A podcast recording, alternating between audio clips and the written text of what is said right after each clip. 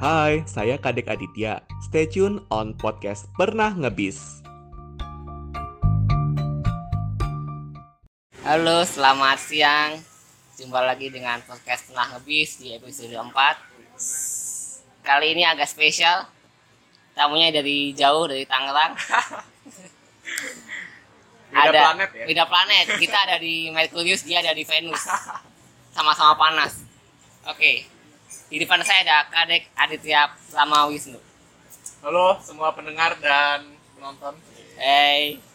Kebetulan kita tag dua ini ya, tag dua platform, yang satu Spotify, satunya YouTube. Asli ini spesial banget saya diundang ke podcast Spotify-nya Mas Estu terus juga sambil cek ke video juga ya Mas. Mantap. Kolaborasi kita. Iya, kapan lagi saya diundang collab sama youtuber ya. Oke, kadang apa kabar? Baik, baik, baik. Sangat baik. Ke, kayaknya lelah banget dari Tangerang ya, naik KRL. Iyalah beda planet gitu ya dari Tangerang ke planet Bekasi ya. Jadi melelahkan. Tadi berangkat jam berapa dari rumah? hmm, jam 10. Jam 10 tadi dia mendarat di stasiun Bekasi Timur jam Jam 12 kurang lah ya. Kurang lebih 2 jam perjalanan. Bagaimana Iya. sampai di Bekasi? Lumayan ya. Naik KRL ternyata enak juga ya. Kapan? Walaupun sebagai penggemar bis gitu ya. Iya. Ternyata naik KRL enak gitu. Iya. Terus kapan terakhir ke Bekasi? Hmm, mampir doang di agen kalau naik bis akap. Oke oke oke. Berarti sejauh ini tahunya Bekasi itu di Depsos ya? Depsos Belum pernah doang. sampai ke dalam-dalam ya? Padahal Bekasi itu nggak cuma Depsos, tapi orang-orang tahunya itu Depsos. Iya. Penggemar bis pasti taunya banyak Depsos ya. Hmm. Ambil kan ada sebutan Bekasi kota bis bagus. Hmm, semua bis bagus masuk Bekasi iya. itu. Itu nggak tahu slogan dari siapa ke mana ada. Nanti kita undang di epi- episode selanjutnya. Mantap. Kadek mau nanya, Hmm, boleh.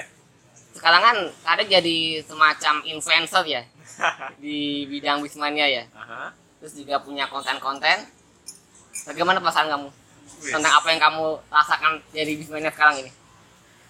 Ya, yang pertama thank you banget udah diundang di sini Mas Hmm. Estu Hmm. sebagai podcaster handal kita. Oh enggak masih kita masih baru nih masih sama-sama merilis lah ma- dari bawah. Ya pasti mungkin perasaan yang kita rasakan sekarang tuh sama ya. Kita sama-sama semangat gitu ya Hmm. Mas ya untuk bikin konten gitu ya untuk Hmm. eh, nggak lain untuk mengedukasi masyarakat Hmm. atau sesama penggemar bis juga di Indonesia gitu ya Hmm. Dan kita juga pasti berusaha memperkenalkan gitu ya Iya. gimana sih dunia bis di Indonesia dan yang pasti selalu berusaha untuk men-share nilai-nilai positifnya pasti kita punya perasaan yang sama itu Oke, pasti itu. semangat ya Jawabannya sangat bagus ya. Heeh. Dulu saya tahu Kadek itu di Facebook itu tahun-tahun 2013. no kita berteman di Facebook tahun 2011 Oh ya? Oh iya iya saya masih ingat. tadi Masih di ingat. kereta aku cek loh Lihat aja lebih riset di luar ya. Oke, gak apa. jadi Nah, ah. Hmm? Dari tahun 2011 nih teman-teman. Hmm. Aku sama Mas Estu itu udah berteman di Facebook. Tapi sekarang 10 tahun Hmm. kemudian baru ketemu di sini di Bekasi. kita sebelum belum pernah ketemu sama sekali. Bener, sama sekali belum, belum pernah ketemu. Kita baru ketemu baru ngobrol tuh di sosial media ya, belum Bener. sampai ngobrol internet sampai ketemu format tuh belum pernah. Mungkin kita pernah ketemu di LB mungkin. Mungkin. Cuma belum sampai tegur sapa. Iya ya, Nah. zaman dulu kan masih sering gitu ya kalau teman-teman Hmm. seumuran sama kita gitu Iya. ya hunting di Hmm. Lebak Bulus Iya. itu. Wah, itu masih mungkin ya pernah ketemu tuh. Dulu kapan mulai hunting lebak bulus? Hmm, 2013 ya kira-kira. Hmm. Aktif ya paling aktif itu 2013. Hmm? Terus menjajakan kaki pertama di Lebak Bulus tuh 2012 deh kalau nggak salah. Itu umur berapa? Sekarang dia umur 23. Apa ya? 23 Hmm. kalau 2013 13 tahun. SMP dah, SMP. Persis SMP. SMP.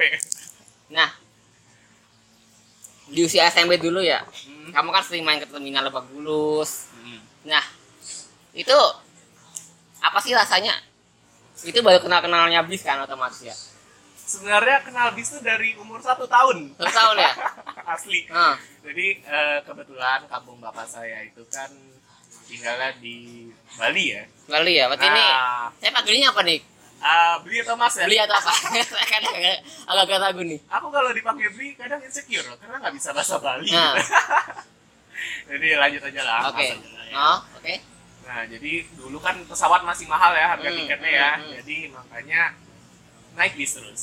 Oke. Dan langganan saya dulu karena paling deket, paling terjangkau dan paling memorable Hmm. liverinya pasti tahu dong Safari dan Maraya OBL, atau ya. OBL yang ada gambar gajahnya. Iya.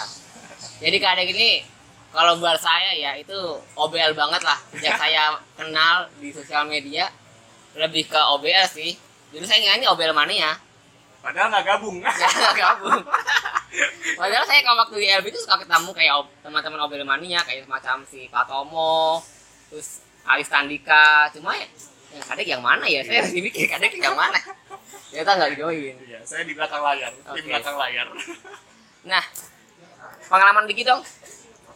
Kalau sekarang kan Denpasar Jakarta udah lebih cepat ya karena ada tol Trans Jawa ya. Mm-mm. Nah, kalau dulu kan zaman kamu kecil itu kan belum ada tol ya. Mm. Itu Jakarta Denpasar berapa lama sih? Hmm. Kalau dilihat kayaknya sekarang sama dulu gitu ya, Hmm. itu kayaknya nggak jauh beda deh. Dulu tuh sering tembus 28 jam Oke. sampai 30 jam karena pas lewat panturaan itu emang banter gitu Iya. loh bisnya loh. Hmm. Ngerasa gak sih kayak setelah lewat Trans Jawa kok jadi lebih santai gitu kan. Jadi Hmm. nggak nggak ngejar waktu juga ya. Nggak beda jauh lah cuma paling selisih dua jam lebih cepet gitu ya sekarang. Oke, tapi kalau dulu kan apa namanya? Istilahnya kan lewat non tol terus kan. Mm-mm. Nah, sekarang ada tol. Nah, ada nggak sih yang pengen gak sih kayak Denpasar lagi tapi nggak ya nggak tol gitu, istilahnya Pantura gitu. Pasti, pasti ada. Kalau misalnya dulu kan enak ya, Hmm. hutan gitu ya di jalur Pantura, Rembang, terus Hmm. terus sampai ke arah rumah makan Puritama itu Hmm. yang Hmm. paling saya tunggu tuh kalau naik bis ke Bali tuh. Di rumah makan Puritama kita bisa lihat Lorena, Pala Kencana dulu ya. Itu memorable banget dan pengen sih sekarang. Tapi kayak susah sekarang. Utama tuh at least di Tuban ya. Hmm, Puritama udah arah Di- Pasir Putih, arah Banyuwangi ya. Oh, Situbondo ke sanaan ya. Ah, ah, ah, Oke. ah. Berarti berapa kali beli Jakarta Denpasar? Wah, nggak kehitung. Ada lebih dari tiga. Apa tuh? Sekali beli Oh, breaknya tiga kali. Tiga kali? Tiga kali. Kalau naik OBL gitu Hmm. ya, Safari Dharma Raya itu tiga kali break. Yang pertama dulu Hmm. di mana yang di Pamanukan itu Taman Sari, itu ya. memorable banget kan Oh. pasti buat kita. Taman Sari, terus yang kedua di Rembang di RM Mitra namanya. Nah, iya mitra itu. Nah. Nah, kayaknya masih ada nggak itu mitra ya? Masih ada Masih ada. Masih masuk sana deh setauku. Masih Kramat ada ya? Jati Oh. PO Keramat Jati masih masuk sana tuh Hmm. RM Mitra dan di RM Mitra Rembang itu Hmm. ada satu bangkai bukan bangkai ya terlalu kasar kayak bekas kalau ya, bangkai bekas mau bekas bis ya. Heeh, gajah kebayoran atau BL itu yang eh, di itu dibiarin aja gitu di Nah. sana dan itu unit spesial mas dia sasisnya 1521 cooler tapi di swap engine pakai V engine Sebentar, saya terakhir naik OBL itu dari Tuban. Hmm. Eh sorry, dari Malang itu naik ke Kacino. Hmm. Itu berhentinya rest area, eh sorry bukan rest area sih. Mau makan Hmm. yang tadi mitra itu kan. Itu Hmm. emang ada bangkai bis Hmm. OBL. Saya lupa itu bodinya body Setra atau body Sprinter waktu itu. Apa itu yang dimaksud? bener bener banget Nah. yang body Setra dulu plat nomornya itu B7168 MK Berarti udah berapa berapa tahun tuh? wah nggak tahu itu saya tahun 2015 itu. nggak tahu udah berapa tahun yang jelas itu masih ada di sana Sampai sampai, sekarang? sekarang. sampai sekarang dan kalau misalnya kita ke sana itu hawanya panas banget mungkin ya karena emang Ya, begitulah ya, ya kita tahu lah. Yang isi bukan orang Oh, lagi. benar. nah setelah dari Rem- Rembang istirahatnya terus di Puritama Hmm. yang istirahat ketiga istirahat yang terakhir menuju ke Denpasar itu yang khasnya adalah di sana kalau kita minum teh ya biasa kan di rumah makan rumah makan pakai gelas ya. Iya. di sana pakai botol Botol langsung Teh dari botol gitu. Oh, botol. tapi Oke. bukan merek ya bukan Iya, oke. Tapi nggak apa teh kamu iklan. gitu teh botolan gitu itu Iya. yang paling memorable dan kalau dulu nggak tahu kenapa ya menu makannya tuh enak banget kayak Hmm. sampai ada ayam bakar terus Hmm. bandeng itu dulu Iya. saya pernah ngerasain dari pas kecil tapi makin di sini Sekarang template ya, beli semua makan sama ya. iya Ya. Begitulah jadinya Oke. jadi kadang rindu juga gitu ya Hmm. sama masa kecil yang naik bis bareng nenek bareng orang tua gitu Tuh ya. sekarang kalau ngebis sendiri Tapi kan sekarang Bu jadi konten. iya sih Ya, bener menghasilkan. kalau dulu ada kamera mungkin udah jadi konten kali ya Iya. seru tuh Mungkin udah jadi jadi ini, jadi presiden Microsoft kali. wes mantap Yang jadi yang punya YouTube mungkin sekarang. Oh nanya, Kadek ini kan Bali ya? hmm. Itu orang tua asli Bali semua atau hanya salah satu aja? kebetulan kebetulan bapak saya doang nih yang Bali nih Bapaknya jadi Bali. saya Jawa Hmm. Eh, Jawa itu daerah Purworejo mungkin Hmm. teman-teman tahu Hah? mereka ketemukan di Jakarta dan jadilah saya orang Jakarta Oh, Oke. bukan orang Jawa bukan orang Bali Oke. orang Jakarta gitulah Tapi keluarga masih banyak di Denpasar juga masih banyak. Yes. Keluarga besar. Yes. keluarga besar adik dari bapak saya itu di Hmm. Denpasar Oke. Yang di Polja juga masih ada keluarga. Purworejo kebetulan adik-adik dari ibu pindah semua ke Jakarta jadi di Purworejo ditempatin saudara rumahnya Masih suka balik ke Polja. jarang Jarang. kalau dulu sebelum pandemi itu lebaran Eh, pasti ke sana Masih ke Polja ya. Heeh, ke Purworejo. Naik apa itu? Hmm, sayangnya nggak pernah naik bis. Nah, coba sesekali naik bis selatanan. Apalagi di musim lebaran. Kalau dulu tuh selatan itu pasti macetnya di daerah pinggir kali tuh. Asli, Asli. itu. Aduh. Saya Tapi naik mobil. sekarang nggak tahu deh sekarang. Sekarang Iya. pada lewat pantura semua, Iya. mungkin agak-agak agak lebih sepi sih. Harusnya harusnya gitu Harusnya ya. ya. Dan itu emang paling enak gitu ya kalau laut Hmm. selatan dulu kan mendingnya naik mobil tuh. Ngeliatin bus-bus liweran, Budiman, Hmm. efisiensi. Hmm. Wah itu zaman-zaman saya SD itu kalau ngeliat efisiensi itu enak gitu dilihatnya. Mewah, bagus gitu bisa. Hmm. Sekarang juga masih eksis sih. Masih eksis, masih selalu pakai armada baru gitu ya. Sekarang kayaknya jadi ada nama bagusnya deh efisiensi itu sekarang tuh. Apa ya TVD atau apa gitu. Iya kan ya? Kalau saya itu di Simpari Wisata ya kalau salah. Nah, tapi ada di bodi itu ada labelnya Hmm, tuh. benar, Nah, DVD. DVD. Nah, jadi sama sekali belum pernah ngerasain bis Selatan Jawa ya. Belum pernah sama sekali. Selatan Jawa. Mikir kayaknya Pernah. belum pernah deh. Belum pernah. Pernah pas tadi tur. Iya kan beda sensasinya. Enggak, akap belum. Iya. Ada rencana mau nyoba Hmm, tur selatan gitu. harusnya ada dan itu naik sasis yang klasik sih pengennya. Masih klasik. Sekarang atas selatan udah bagus-bagus. Cari yang Apa ya? agak susah. Harus ke Bandung nggak ya cari Budiman atau Maju. Oh, Lancar? iya, Itu iya, kan- iya, yang Wah, itu. itu keren banget Nah, sih. Maju masih ada klubnya. Heeh. Maju itu masih ada tuh yang Maju Kesia tuh. Kesia itu Oh iya Mas Esu kan manianya maju lancar ya. Saya nggak bukan maksud promo ya, cuma Eh. ngasih info. Masih ada saksi lawas di selatan, Maju Langit ada.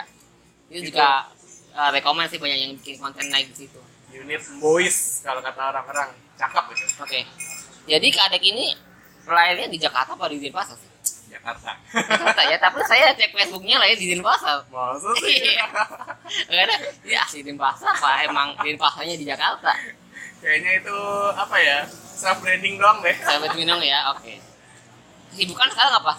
Selain sebagai konten kreator, Karyawan 9 to 5. apa tuh? Jadi masuk kerja jam 9, balik jam 5. Oh udah kerja, Alhamdulillah udah kerja. dia kerja di bagian.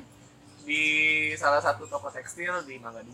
Oke. Makanya kalau misalnya touring cuma bisa di weekend. Iya, tapi emang rata-rata emang begitu. PJKA, BKA. Nah, saya kira kadek ini kuliah juga. Apa sempat kuliah? Alhamdulillah udah lulus tahun kemarin jadi lulusan pandemi ya. Oh udah lulus. lulusan pandemi. Oke Lulusan keren ya. pandemi, guys. Dan alhamdulillah banget eh, habis lulus ya kayak langsung dapat kerja gitu. Oke. Ya seadanya dulu aja lah ya. Dulu Tapi kan. belum wisuda. Oke. Dulu kadek itu main ke Lebak Bulus. Mhm. Ada temennya nggak? Teman bis gitu yang paling kenal dekat. Teman yang paling kenal deket itu ya teman SD doang sih. Boleh sebut nama mungkin? Mungkin dia yang mendengarkan. Nanti gua suruh itu ya. Namanya Dema, dia dia orang orang Manado ya kalau nggak salah ya. Manado. Sekarang masih ada di sini Jakarta. Masih, masih sering hunting bareng juga. Sampai sekarang masih hunting. Masih. Bagus itu namanya sahabat. Hobi yang berkelanjutan.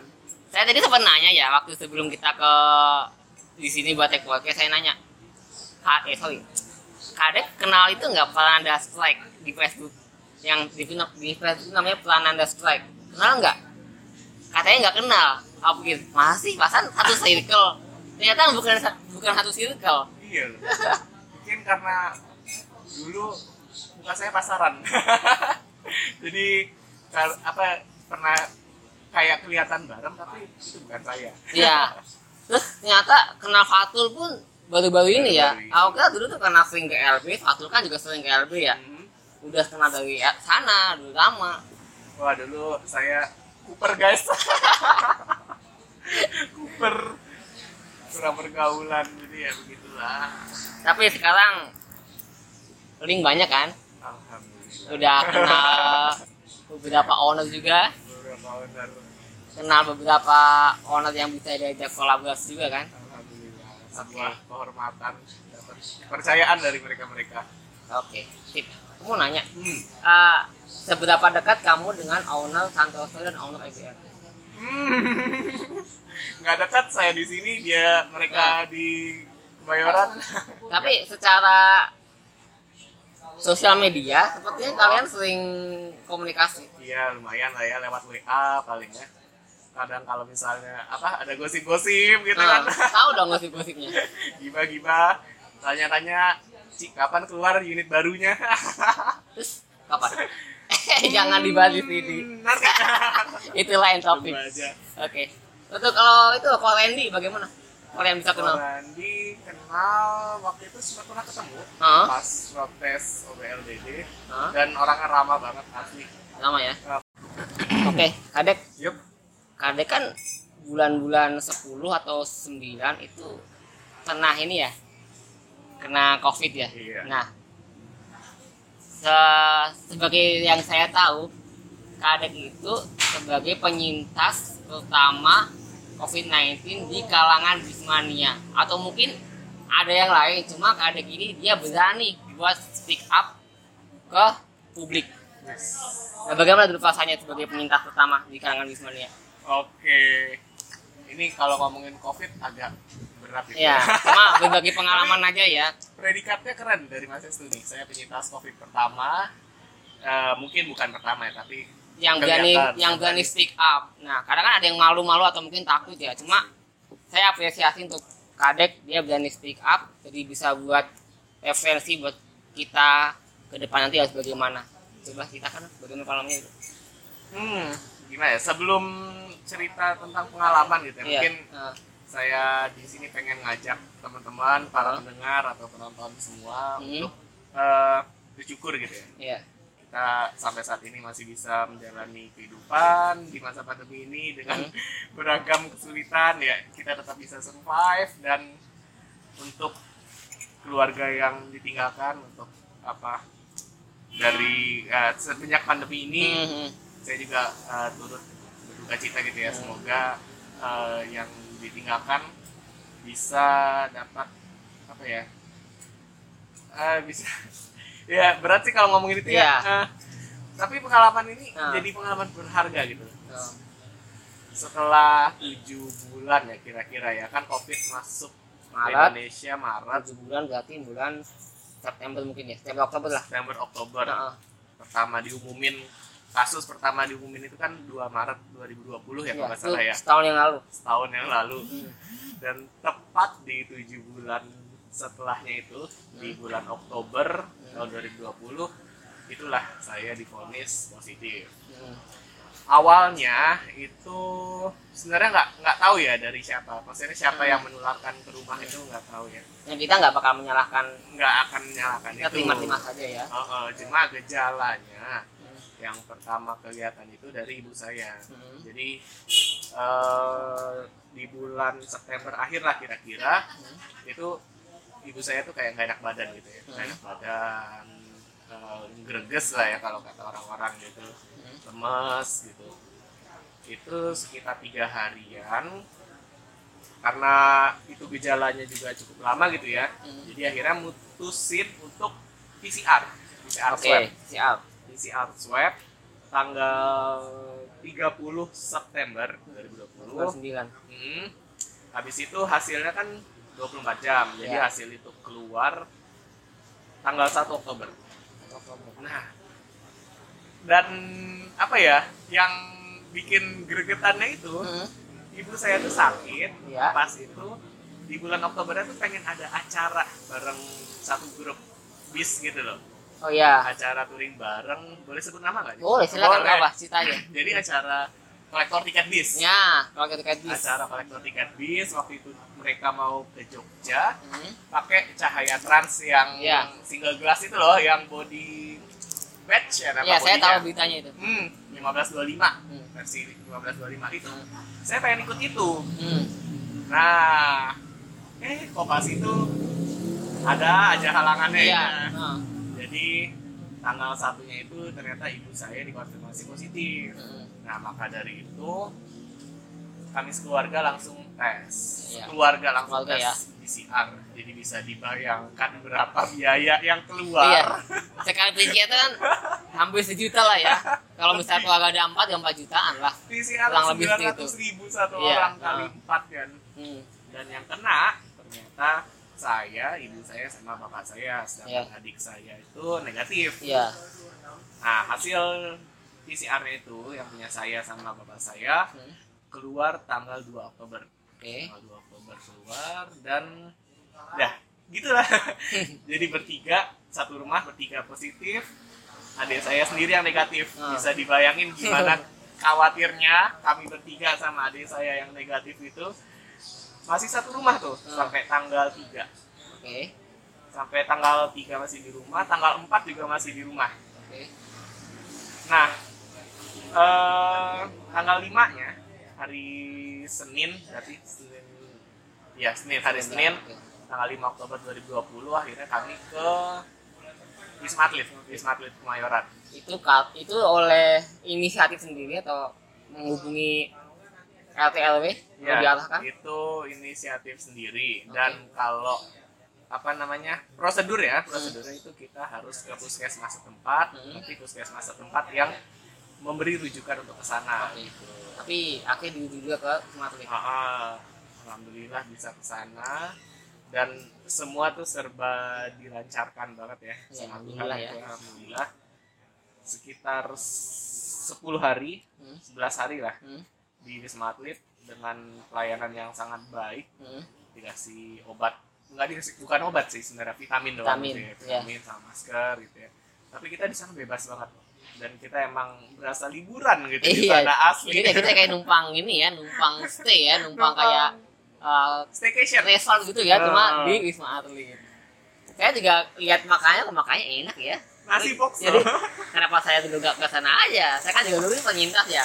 Tapi karena uh, Bekasi dan Jakarta itu beda kebijakan, ya akhirnya kita disarankan buat di rumah, Di rumah. waktu itu. Iya, jadi di Wisma Atlet itu kalau dibayangkan, oh sebelumnya kita tuh masuknya golongan yang OTG, Iya. OTG. Jadi Ah. makanya bisa bebas di sana. Iya. Kalau misalnya yang ada gejala gitu ya, mungkin mungkin ada perawatannya. Hmm. Saya kurang tahu karena emang nggak explore Hmm. ke bagian yang ada gejala. Jadi mungkin ada perawatannya. Tapi kalau yang OTG itu Hmm. benar-benar bebas. Kita kalau pagi itu ya Hmm. bisa olahraga di bawah di halaman, lari-lari. Bahkan ada yang kayak main bola, main badminton. Iya, karena- asli niat banget mereka. Udah kayak pindahan gitu. Nah, Jadi mau menambahkan juga nih, kalau sekarang kan OTG itu kalau misalkan di rumah itu ada ruang kosong, mungkin disarankan di rumah. Tapi kalau tidak ada ruang kosong, pasti diarahkan ke relokasi kayak di rumah atlet. Atau Yes. mungkin ada gejala sakit, itu pasti ke rumah sakit. Kalau Yes. sekarang lebih seperti itu. Yes, benar Nah. benar benar. Dan, Ah. hmm? Eh, dan waktu itu eh, emang alasan keluarga kami kuat gitu ya Ah. maksudnya rumah saya rumah kami itu kecil Iya. terus Ah. yang itu khawatir banget sama adik Iya. yang negatif makanya karena alasannya kuat akhirnya dirujuklah ke sana gitu dan sekitar tanggal 16 baru bisa pulang lagi jadi cuma 10 hari di di Wisma Atlet habis itu lanjut isolasi mandiri di rumah Oh gitu. Nah, itu selama 10 hari Mhm. itu di swab lagi atau tidak enggak jadi emang emang sekarang protokolnya cuma 10 hari yes dinyatakan sembuh karena tidak ada gejala gejala lebih lanjut dan dinyatakan untuk isolasi lebih lanjut di rumah yes jadi setelah menjalani 10 hari Hmm. isolasi di Wisma Atlet itu Hmm. kita bakal kayak dapat surat keterangan iya berdasarkan keputusan Menteri Kesehatan Hmm. saya lupa nomor Iya. berapa bahwa itu tuh kita udah boleh isolasi mandiri di rumah terus beraktivitas juga udah boleh Hmm. karena udah nggak menularkan Hmm. nggak menularkan ke yang lain gitu Iya. teman-teman kemarin juga saya dapat itu di puskesmas sama sama ya sama persis kurang lebih ya. sama Heeh. cuma karena waktu dulu saya kebijakan dari perusahaan saya bekerja harus ada bukti tertulis Iya. itu negatif. Iya. Dan akhirnya saya saya kedua dan itu pun juga di cover oleh perusahaan saya waktu itu. itu. iya. Aku sendiri loh.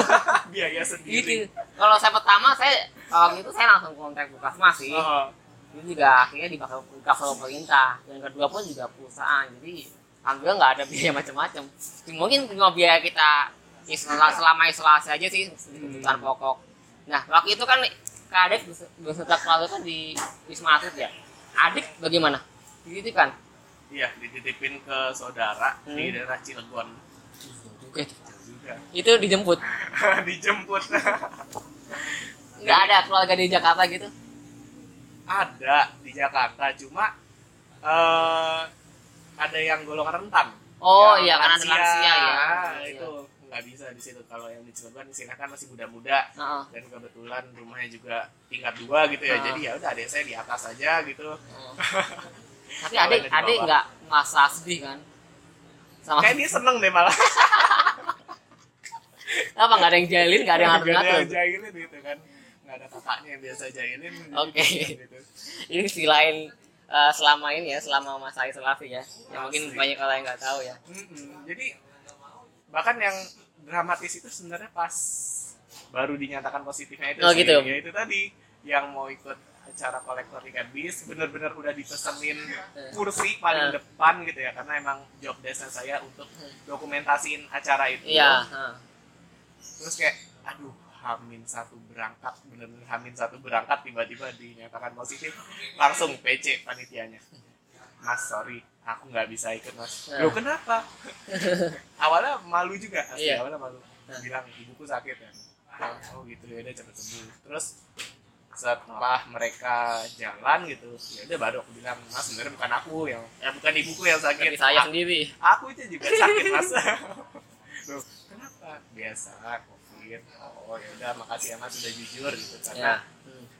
Ya, maksudnya nggak kebayang kan kalau misalnya aku maksa ikut Ya, demi mana. kebaikan bersama lah ya. Hmm, Heeh. gitu dan pas itu juga tanggal 3 tadi itu eh tanggal 2 tadi itu pas dinyatakan positif Hmm. aku sempat hunting bareng temanku Poris terus bagaimana setelah kamu info begitu teman kamu bagaimana shock lah gila shock banget serius kenapa nggak bilang gua nggak tahu. Karena memang Karena OTG hunting- huntingnya tuh pagi Heeh.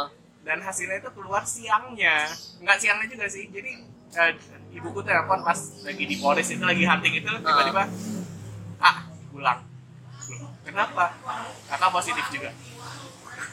Oke jadi langsung balik ke Polres eh balik ke rumah waktu itu sepedaan sih dari Polres ke rumah. Emang deket ya? Eh, lumayan kalau naik Lumayan sepeda ya? setengah 20 menit sampai setengah oke jam. oke.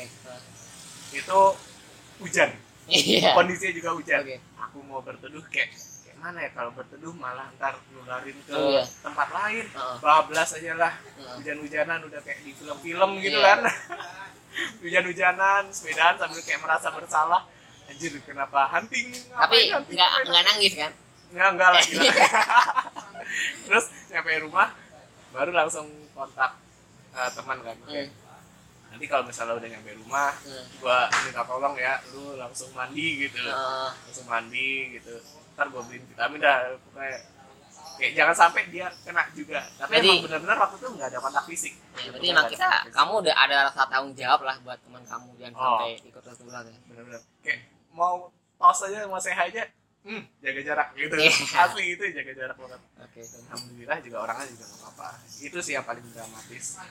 Yang yang ada kaitannya Hmm. sama bis itu ya Iya. itu pas diumumin kena positif itu dramatis banget. Terus eh, bagaimana respon teman-teman yang di ikut kopdar kolektor setelah kamu info kamu nggak bisa ikut karena kena covid? Responnya mereka bagaimana? Apakah shock atau kebetulan eh, aku minta keep secret dulu. Oh, keep secret. Eh, keep it secret eh, ke panitianya terus ya udah akhirnya dirahasiakan terus baru aku speak up sendiri Iya. di sosmed kan post di wisma atlet. Hmm. Cepet post foto iya. kamar lah ya istilahnya. Ah, ah, ah. foto kamar ini loh wisma atlet kayak gini loh. Ada yang mau pindah nggak ke sini. Iya. Nah itu dia tuh. Baru deh teman-teman. Itu dia. Teman-teman apa jagat maya Iya. di Facebook. Di terutama teman-teman pecinta bis lah ya termasuk Hmm. saya juga. Ikut itu shock sih. Ah, walah ternyata kok nggak touring-touring? Nah. ke mana nih orang? Nah. ternyata Nah. lagi ngungsi di wisma Iya. atlet. Itu baru ya baru mereka pada tahu kena kalau saya kena gitu. Jelas masih shock sih. tapi jujur sih jadi karena banyak yang support ke kita jadi kan itu jadi energi positif Hmm. untuk kita cepat sembuh. Saya pun juga begitu waktu itu. Pasti. Juga pasti ngerasain hal yang sama kan? nah. karena kalau kita insecure gitu ya Nah. kita terlalu banyak bukan pikiran kan daya tahan tubuhnya makin turun gitu Iya. ya. Makin lama lah kita sembuh kalau kayak gitu kita kan. sebenarnya nggak boleh menutup diri. Karena itu kan itu semakin semakin ke sini kan makin udah mungkin udah banyak yang tahu lah ya jadi Ah. nggak perlu tutup-tutupi lagi kalau emang positif ya udah nggak apa-apa info aja jadi kan yang lain juga bisa jaga jarak atau Hmm. bisa lebih aware gitu Hmm. bagus sih dan satu hal lagi yang apa ya yang saya sangat bersyukur banget Hmm. karena jadi penyintas gitu ya Hmm. pernah kena covid ya Hmm. saya bisa berkesempatan untuk donor plasma darah konvalesen nah itu dia Nah, donor plasma darah konvalesen Hmm. itu sebenarnya salah satu metode pengobatan Hmm. untuk para penderita COVID, teman-teman Hmm. pendengar. Eh, karena kan eh, ada beberapa ya penderita yang emang lebih gawat ya daripada Hmm. kita ya, apalagi yang umurnya udah lanjut dan ada penyakit bawaan lainnya, Hmm. itu kan bahaya banget kan buat yang kena COVID. Nah, Iya. Salah satu cara pengobatan yang ampuhnya itu pakai itu Iya. plasma konvalesen. Gimana sih caranya? Biasanya kita eh, terima ya Hmm. broadcast broadcast itu ya dibutuhkan Hmm, donor iya. plasma darah Ah. konvalesen golongan darah ini ini ini ini. Nah syaratnya itu biasanya eh, sudah negatif lebih dari dua minggu bang iya iya lebih dari dua Ah. minggu golongan darahnya juga cocok dan diutamakan itu cowok Hmm. pria gitu ya Hmm. kalau cewek bisa tapi kayaknya sebelum atau belum melahirkan Iya. kalau nggak salah nah terus kita oke bisa kita oke kita udah deal sama keluarga yang membutuhkan donornya itu Hmm. kita ke PMI bukan kita sih saya waktu itu ya saya Iya, waktu itu iya. ke PMI Hmm. PMI pusat di mana tuh Jakarta Pusat itu Oh. Dan eh, langsung donor di tempat. Oh jadi gimana? Itu kurang detail. Em, kita oke nih sama donor keluarga pendonor. Hmm. habis itu kita didaftarkan. Hmm. habis kita didaftarkan itu akan ada tim halo donor ya. namanya yang akan atur waktu sama kita kapan mau donor plasma darah konvalesennya. Hmm. di situ kita akan disuruh bawa bukti eh, swab negatif eh sorry swab positif sama swab negatif nah kalau misalnya eh, jarak antara negatif ke donor itu lumayan jauh kita harus apa namanya rapid test dulu oke nah rapid test dulu kalau IgG ya kalau nggak salah IgG-nya Hmm. itu masih reaktif berarti eh, imun kita tuh masih bisa atau masih bekerja untuk melawan si COVID itu. Hmm. Tapi kalau misalnya udah non reaktif, kayaknya sih nggak dibolehin gitu ya, kayaknya ya. Nah itu. Dan hmm, yang bikin saya apa ya kayak tersentuh itu ya donor plasma darah konvalesen pertama saya itu eh, yang membutuhkannya apa ya relasinya dekat lah iya. dengan saya dengan kita dengan para pendengar sama penonton. Hmm. Eh, kalian mungkin tahu orangnya Hah? tapi kayak nggak nggak usah disebutin Iya. di sini lah ya gitu Itu itu, dia. yang yang bikin saya ih gila akhirnya bukan akhirnya ya bersyukur banget gitu Iya, bisa kita bisa menolong sesama Mm-mm. Hmm. itu dia yang penting oh iya eh, itu dua kali saya donor Ah. yang pertama jadi setelah donor itu bisa donor lagi 15 hari kemudian Hmm. itu bisa donor. Nah, itu juga ya yang saya juga sesalkan sih. Waktu itu juga Mas? saya sempat ingin sekali mendonorkan plasma. Waktu itu ada yang membutuhkan. Nah, donor saya kan A ya. Waktu itu saya dapat pesan, ada yang azin membutuhkan plasma A. Oke, saya siap lah. Saya sudah saya sudah kontak keluarga mereka. Ya oke, saya ke PMI. Waktu itu saya nggak tahu kalau ternyata ada berat badan minimal untuk plasma itu kalau nggak salah 56. Hmm. Nah, waktu saya ditimbang cuma 55. Sayang Astaga. sekali, kurang 1 kilo. Nggak bisa. Itu saya menyesal banget tuh. Saya benar-benar minta maaf keluarga yang begitu. Bu, maaf saya tidak lolos untuk ya donor. itu ah. sangat kilo. Saya benar waktu itu minta maaf banget sama keluarga. Akhirnya mereka juga bisa memahami dan mungkin sudah dapat donor yang lain sih. Iya. Nah itu dia sayang banget sangat kilo. Coba kalau itu saya cuma 6 aja, saya bisa tuh donor. Nah, makanya jadi buat teman-teman pendengar atau penonton yang eh, udah pernah kena COVID atau penyintas COVID Mm. itu nah, kalau misalnya ada kesempatan untuk ber- berbuat baik gitu ya Mm. dengan cara donor plasma darah convalescent itu Hmm. ya monggo gitu ya. Karena kapan lagi kita bisa berbuat semulia itu Iya. Nah, ini kan kita udah setahun pandemi ya. asli. Nah. Di dunia perbisan Hmm.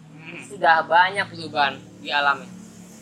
Waktu dulu yang pertama kali muncul itu ada kebijakan dua bangku satu penumpang. Benar benar benar benar. Dan sampai sekarang pun mungkin udah agak lebih normal ya, dua bangku dua penumpang ya. Cuma ada beberapa perubahan kelas. Benar. Sekarang ada muncul kelas presiden suite ya, yang Oh, satu iya. satu satu. Itu sebenarnya tuh kalau nggak ada covid mungkin belum kepikiran sampai situ lah. Hmm. Nah sekarang kan ada covid muncul kelas baru presiden kelas apa- apa pun istilahnya lah. Tapi Hmm. ada yang pokoknya bangunnya satu satu satu. Terus sebagai penggemar Bismania bagaimana tanggapannya? Ada muncul satu satu satu. kalau ngomongin ini jujur saya belum pernah ya Ah, naik kelas itu ya ah, tapi ah. kalau dilihat itu asli karena apa ya eh, kebijakan social distancing gitu Iya. Eh, inovasi seperti itu keluar dan pasti kita juga excited banget kan Ya, untuk menyambutnya Hmm. gimana sih rasanya kita menikmati bis Hmm. tapi eh, kelasnya itu bangkunya tuh spesial gitu satu satu. satu satu gitu Rasa ya. lebih privacy lah ya. privacy banget Ah. kan Ah. Eh, cuma kalau dilihat harusnya itu ada impactnya gitu tapi Iya. kurang tahu sih impactnya beneran bisa menjaga atau enggak ya yang jelas itu untuk eh, untuk untuk apa ya Tapi setidaknya sih setidaknya lebih mengurangi lebih lebih apa ya lebih privasinya lebih jauh lebih aman. jauh lebih aman Nah. benar benar benar. pengen banget sih naik itu Apa aja Yang- sih yang udah ada itu? apa ya Lupa saya.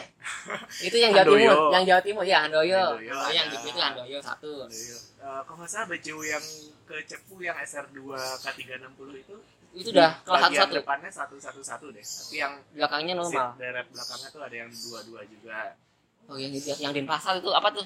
M Denpasar. M M M Trans, Nah iya. Iya itu Sultan Kelas namanya. Wah, itu servisnya kayak enak banget bang itu kayaknya Itu kelas tuh satu satu yang paling ideal lah ya. asli Sultan Plus entrance itu pengen banget cuma kapan Belum gitu ya ya? ada kesempatan gitu untuk kembali gitu. Tapi pasti pasti pasti bisa lah kan. Iya, itu wajib dicoba sih asli. Satu satu satu tuh hal yang menarik di dunia bis sampai sekarang. Oke. Halo, saya Nanda Oki. Stay tune on podcast Pernah Ngebis. Oke kadek. Yuk, Kita kan udah bahas kelas baru ya, kelas satu satu satu. Presiden kelas atau apa pun namanya. nah Ada nggak sih dampak lain COVID-19 bagi dunia perbisan selain munculnya kelas tersebut? pasti ada ya. Cuma Hmm. kalau dari saya nih ya, itu kita nggak bisa ngelihat hanya dari satu stakeholder gitu ya, atau Oke. dari satu golongan gitu ya di masyarakat. Hmm. Saya selalu mencoba gitu untuk mikir sebenarnya ada lima pihak gitu ya yang Hmm. kira-kira kalau ini bersinergi itu jadi apa ya pandemi ini jadi kayak bukan masalah gitu Iya. malah menciptakan satu gaya hidup baru yang lebih bagus gitu dari sebelumnya Oke. nah lima pihak ini Hmm. kalau ajaran dosen saya dulu Oke. ini sering dinamakan sinergi pentahelix Wih. pinta pel pentahelix Nah, sorry itu ilmu baru. Iya. Bisa dijabarkan. jadi ada pihak A B C G M G M nggak urut ya? nggak urut Iya, oke bisa jadi jelaskan. A nya itu Hmm. akademisi Oke, B nya itu businessman atau kalangan wirausaha oke. C nya itu community Hmm. atau komunitas Yes. G government atau Pemerintahan. pemerintahan Oke. M media atau media Hmm, massa. media massa. Nah, Oke. lima pihak ini atau lima golongan ini ini memegang peranan penting banget ya Hmm. untuk dunia bis di masa pandemi ini. Hmm. Mulai dari akademisi dulu deh dampaknya Oke. ya. Hmm. Kita kan istilahnya gak beda jauh lah ya umurnya. Iya, oke. Pasti pernah ngerasain dong yang namanya kita tuh di sekolah gitu ya nggak bisa tidur bukan di bukan di sekolah pas masa sekolah itu kita nggak bisa tidur buat besok hari kita saditur gitu. Ya, pasti begitu. Pernah Kita ngerasain pernah nggak? mengalami. kayak aduh gini Nggak besok bakal dapat bis apa nggak Nggak sabar, sabar, akhirnya iya. kita datang pagi ke sekolah untuk cari tahu kita dapat bis apa gitu Ah, kan ah. pasti pernah ngerasain itu kan Nah, dan ini tuh nggak dirasain sama teman-teman kita adik-adik kita yang sekarang lagi sekolah gitu ya, ya tidak ada study tour. nggak ada study tour gitu bahkan study tournya mungkin kalau canggih online gitu Ya, apa nikmatnya study tour online ya? nggak ngebis ya iya. itu Oke. yang dampak pertama yang dirasain di kalangan akademisi ya Mm-mm. dan kalau itu kan yang negatifnya ya Oke. untuk yang positifnya sih harapannya Hmm. di kalangan akademisi eh, khususnya yang lebih senior gitu ya yang lebih tinggi tingkatannya Hmm. eh, kita coba eh, buat riset gitu ya Hmm. buat riset gimana sih cara meningkatkan keamanan gitu ya Hmm. kepercayaan masyarakat juga untuk tetap menggunakan bis gitu Hmm. untuk pergi ke mana-mana itu Oke. gimana gitu cara yang efektifnya itu gimana Hmm. Itu yang diharapkan dari pihak akademisi Oke. jadi nantinya pihak akademisi ini juga bisa relate atau ada hubungannya dengan pihak-pihak yang lain Hmm. nah itu tadi dari akademisi Hmm. terus yang kedua itu B ya bisnisman ya Hmm. kaum wirausaha para para owner owner Ya. PO owner Ah. karoseri owner eh, seat bis mungkin ya Iya. itu kita mulai dari dampak negatifnya dulu kali Iya, ya oke. Mas Es tuh mungkin pas awal-awal pandemi gitu ya bisa ngeliat juga Ah. ada banyak PO yang istilahnya gulung tikar Iya. itu kena PHK ya istilahnya yang sedih-sedih kabar Iya, sedih itu koperasi lah. oh, Heeh. awal pandemi itu kita selalu disuguhkan oleh berita-berita kayak gitu tuh Iya. ngelihatnya sedih gitu Iya, ya sedih. dunia yang kita sukai ternyata bisa hancur gitu ya 180 derajat ya. Oke. Kita- kita bisa ngerasain dan alhamdulillah ke sini ke sini ke sini itu ternyata ada juga uh, dampak positifnya Hmm. dampak positifnya kita ambil study case di Sumbar Iya, oke. di Sumbar nah karena mode transportasi lain itu lagi ribet ya Iya. kayak pakai apa sih antigen atau PCR Iya sih dan ya semacam itulah ya. Nah. itu ribet Nah. terus ini jadi satu berkah tersendiri nih buat PO PO bis di Sumbar Hmm. Itu? kalau sebelum pandemi Hmm. itu biasanya tuh salah satu PO boleh sebut nama nggak sih Boleh, ya? silakan, silakan. Mungkin bisa jadi bisa jadi ya? Referensi. oke Ya. kita ambil yang baru-baru ini saya coba itu Ya, ANS oke. ANS PT Anas Nasional Sejahtera Ah. itu salah satu PO yang udah beroperasi dari tahun 1963 kalau nggak Hmm. salah nah sebelum pandemi ini berangkatnya 5 4 bis gitu ya Oke.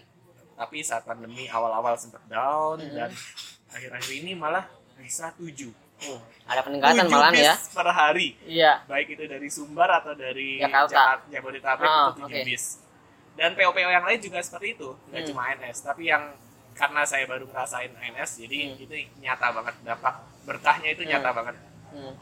nah kita kan eh, istilahnya PO ini kan udah mencapai eh, titik suksesnya ya dari Iya. pandemi ini ya. Nah, Gimana itu cara mempertahankannya itu menurut saya itu harus dipikirin dari nah, PO ini dari sekarang. mm, Jadi PO ini harus siap-siap untuk kalau misalnya moda transportasi yang lain itu udah terjangkau. iya Jangan sampai si pelanggan-pelanggan yang udah enak sama PO ini pindah pindah. balik lagi ke moda transportasi lain kan Iya.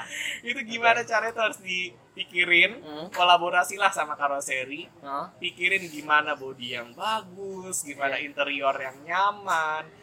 Kolaborasilah sama eh, perusahaan yang bikin bangku bis gitu ya. iya Mm-mm. Apalagi sekarang tuh banyak ya inovasi-inovasi backrest. Iya. Nah, mereka sudah bagus-bagus sekarang udah lebih nyaman double leg rest, sebenarnya inovasi lama yang reborn istilahnya ya. iya Terus ada leg rest yang kayak meja kayak punya Rosalia Iya, Indah uh. itu bisa dibuka, ditutup itu canggih banget. Terus Uh. ada leg rest yang efisiensi yang bisa digeser begini leg restnya. Oh, oh. Itu coba digali lagi inovasi-inovasinya, Iya, oke. numpangnya jadi tetap lari ke bis gitu ya, nggak lari ke apalagi kan Jakarta Padang udah makin cepet sekarang ya makin cepet cuma 25 sampai 28 jam Ya, naik itu bis. bisa lebih memikat penumpang awam lah tentunya lah. Ah, Nah, bener banget tuh. Itu sih yang dari kalangan bisnismen atau B-nya. Mm-mm. Sekarang kita coba ke yang C atau Oke. community Mm. atau komunitas. Mm. Nah, komunitas ini saya rasa juga penting ya. Oke.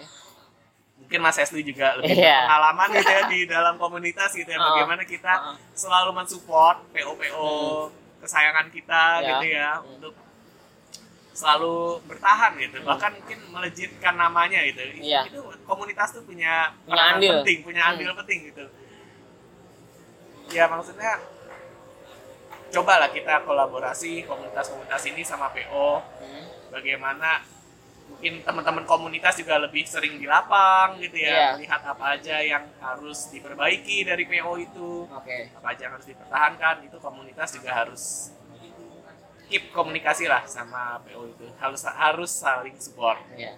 A B C kita lanjut ke G Nah, government pemerintahan sebagai regulator Hmm. eh saya nggak bisa banyak komentar Iya. aku diciduk Iya. tapi yang jelas harapannya pemerintah sebagai regulator Oh. bisa memberikan eh peraturan atau keputusan yang baik gitu ya Iya. yang nggak terlalu memberatkan Yang mengena PO. semua lapisan. Hmm, Ya. apalagi jangan sampai lah ya pihak-pihak PO tuh jadi makin susah gitu Iya. ya dengan peraturan-peraturan yang keluar Ada solusi sampai- terbaik lah ya. Hmm, berikanlah solusi yang terbaik Hmm. entah itu berupa insentif untuk PO-PO yang istilahnya bagus banget protokolnya Iya. Atau mungkin semacam reward lah ya. Hmm, reward, Oh. reward kalau bahasa simpelnya reward. Iya. Atau ya peraturan lain lah yang Oke. bisa mendukung PO-PO itu. Nah, itu dari G, terus sekarang kita ke M, Iya. media. Media. Media ini saya rasa juga udah berkembang pesat ya. Hmm. Kita punya media istilahnya bukan cuma media resmi gitu ya Hmm. dari perusahaan-perusahaan besar tapi Hmm. bahkan kita pun sebagai penggemar juga bisa gitu memanfaatkan media entah YouTube entah Spotify yang sekarang Iya. kita lagi dengerin ini untuk selalu mensupport dunia bis di Indonesia teman-teman Apalagi Anda sebagai influencer ya. makanya eh, kita juga di sini pengen ngajak teman-teman juga ya Hmm. untuk lebih bijak dalam menggunakan sosial media gitu ya Oke. jangan sampai em, merugikan Hmm. PO-PO gitu ya Hmm. Terus juga kalau misalnya ada hal yang nggak enak tentang satu PO, em, jangan cuma dilihat dari yang negatif-negatifnya aja Ya, gitu kita ya. harus berkaca dari sisi yang lain. Mm-mm, Bener Oke. banget. Nah itu tadi tuh lima pihak atau bagian-bagian yang hendaknya bersinergi tuh Mas Estu Hmm. tuh. Hmm. ABCGM, sinergi pentahelix. Oke, saya udah bisa kasih applause. Ini tambahan ilmu ya buat para pendengar podcast menangga bis. Jadi kita semakin terbuka wawasannya bahwa kita itu sebagai wisman itu ternyata banyak yang bisa kita gali. Iya loh, Bukan karena hanya untuk senang-senang, tapi di balik itu tuh banyak sisi-sisi yang yang kita nggak tahu jadi tahu. asli. eh, gimana ya ngelihat Hmm. untuk bersinergi itu susah ya Iya. apalagi kita sering lihat sesama mania gitu ya Heeh. sama mania aja kok ribut Iya, gitu ya heeh. tapi owner yang lain santai-santai Nah, aja santai aja dan Mereka berkolaborasi satu sama berkolaborasi lain. satu sama lain dukung satu sama Heeh. lain tapi kita sebagai manianya tuh malah Jangan lah ya, tuh. jangan lah. Kita sekarang tuh zamannya kolaborasi lah. Heeh. ada gitu kalau melihat yang saling apa saling ribut gitu ya semoga bukan di antara kita ya para pendengar maupun penonton semoga kita bisa selalu apa ya adalah untuk mensupport POPO Nah, Oke, dan dunia bis di Indonesia oke. Sekarang lanjut ke pertanyaan cepat. oke siap Saya ada beberapa pertanyaan cepat. Nanti tolong dijawab dengan cepat, lugas, dan sesuai hati nurani. gas Ya saya siap. siap OBL atau Santoso? OBL Padang atau Denpasar? dan pasar Bikin konten atau menikmati perjalanan? bikin konten Kecepatan atau kenyamanan? kecepatan Kenapa kecepatan? Bisa jelaskan? ya jadi ini relate ya pertanyaan keempat Iya. dan ketiga itu berhubungan ya Nah. kecepatan itu karena saat ini masih passion di dunia perkontenan Hmm. jadi kecepatan itu masih yang banyak atensinya Iya. gitu ya yang lebih menarik gitu Iya, untuk oke. itu tapi nggak semata kecepatan ya yang Oke. jelas tetap ada keamanannya juga Hmm. makanya pilih kecepatan Oke. Mungkin nggak uh, bikin konten lebih ke kenyamanannya dan lebih ke di blow up untuk kenyam- kenyamanannya itu sendiri. mungkin banget Mm-mm. tapi akan dikemas secara berbeda Oke. mungkin banget Seperti yang mana lagi? iya siap siap siap siap Mengapa tadi pilih OBL dari Santoso? oke pilihan pertama kenapa milih OBL Hmm. karena udah dibesarkan sama OBL Oke. dari umur satu tahun Hmm.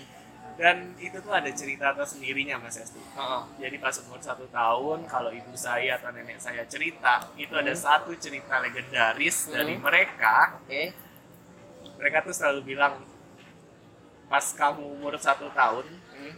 kamu tuh pas dibawa naik bis atau Hmm. diajak naik bis mudik Hmm. itu nangis nggak berhenti berhenti di jalan Oke. dari Jakarta ke Denpasar waktu itu naik OBL Hmm. dari Jakarta start bis itu kamu nangis Hmm. terus nggak berhenti berhenti sampai di Jawa Timur Hmm. akhirnya drivernya itu nyerah Oke, angkat tangan lah ya. angkat tangan menepikan busnya Oh, terus langsung minta izin gitu Oke. orang tua saya untuk kayak eh, bawa anak eh, bawa saya gitu ya oh. gendong terus diajak keluar di bis dan kata orang tua saya tuh kayak dikasih doa gitu Oke. ya dikasih doa gitu teman-teman nah setelah didoain itu saya berhenti nangis Sip.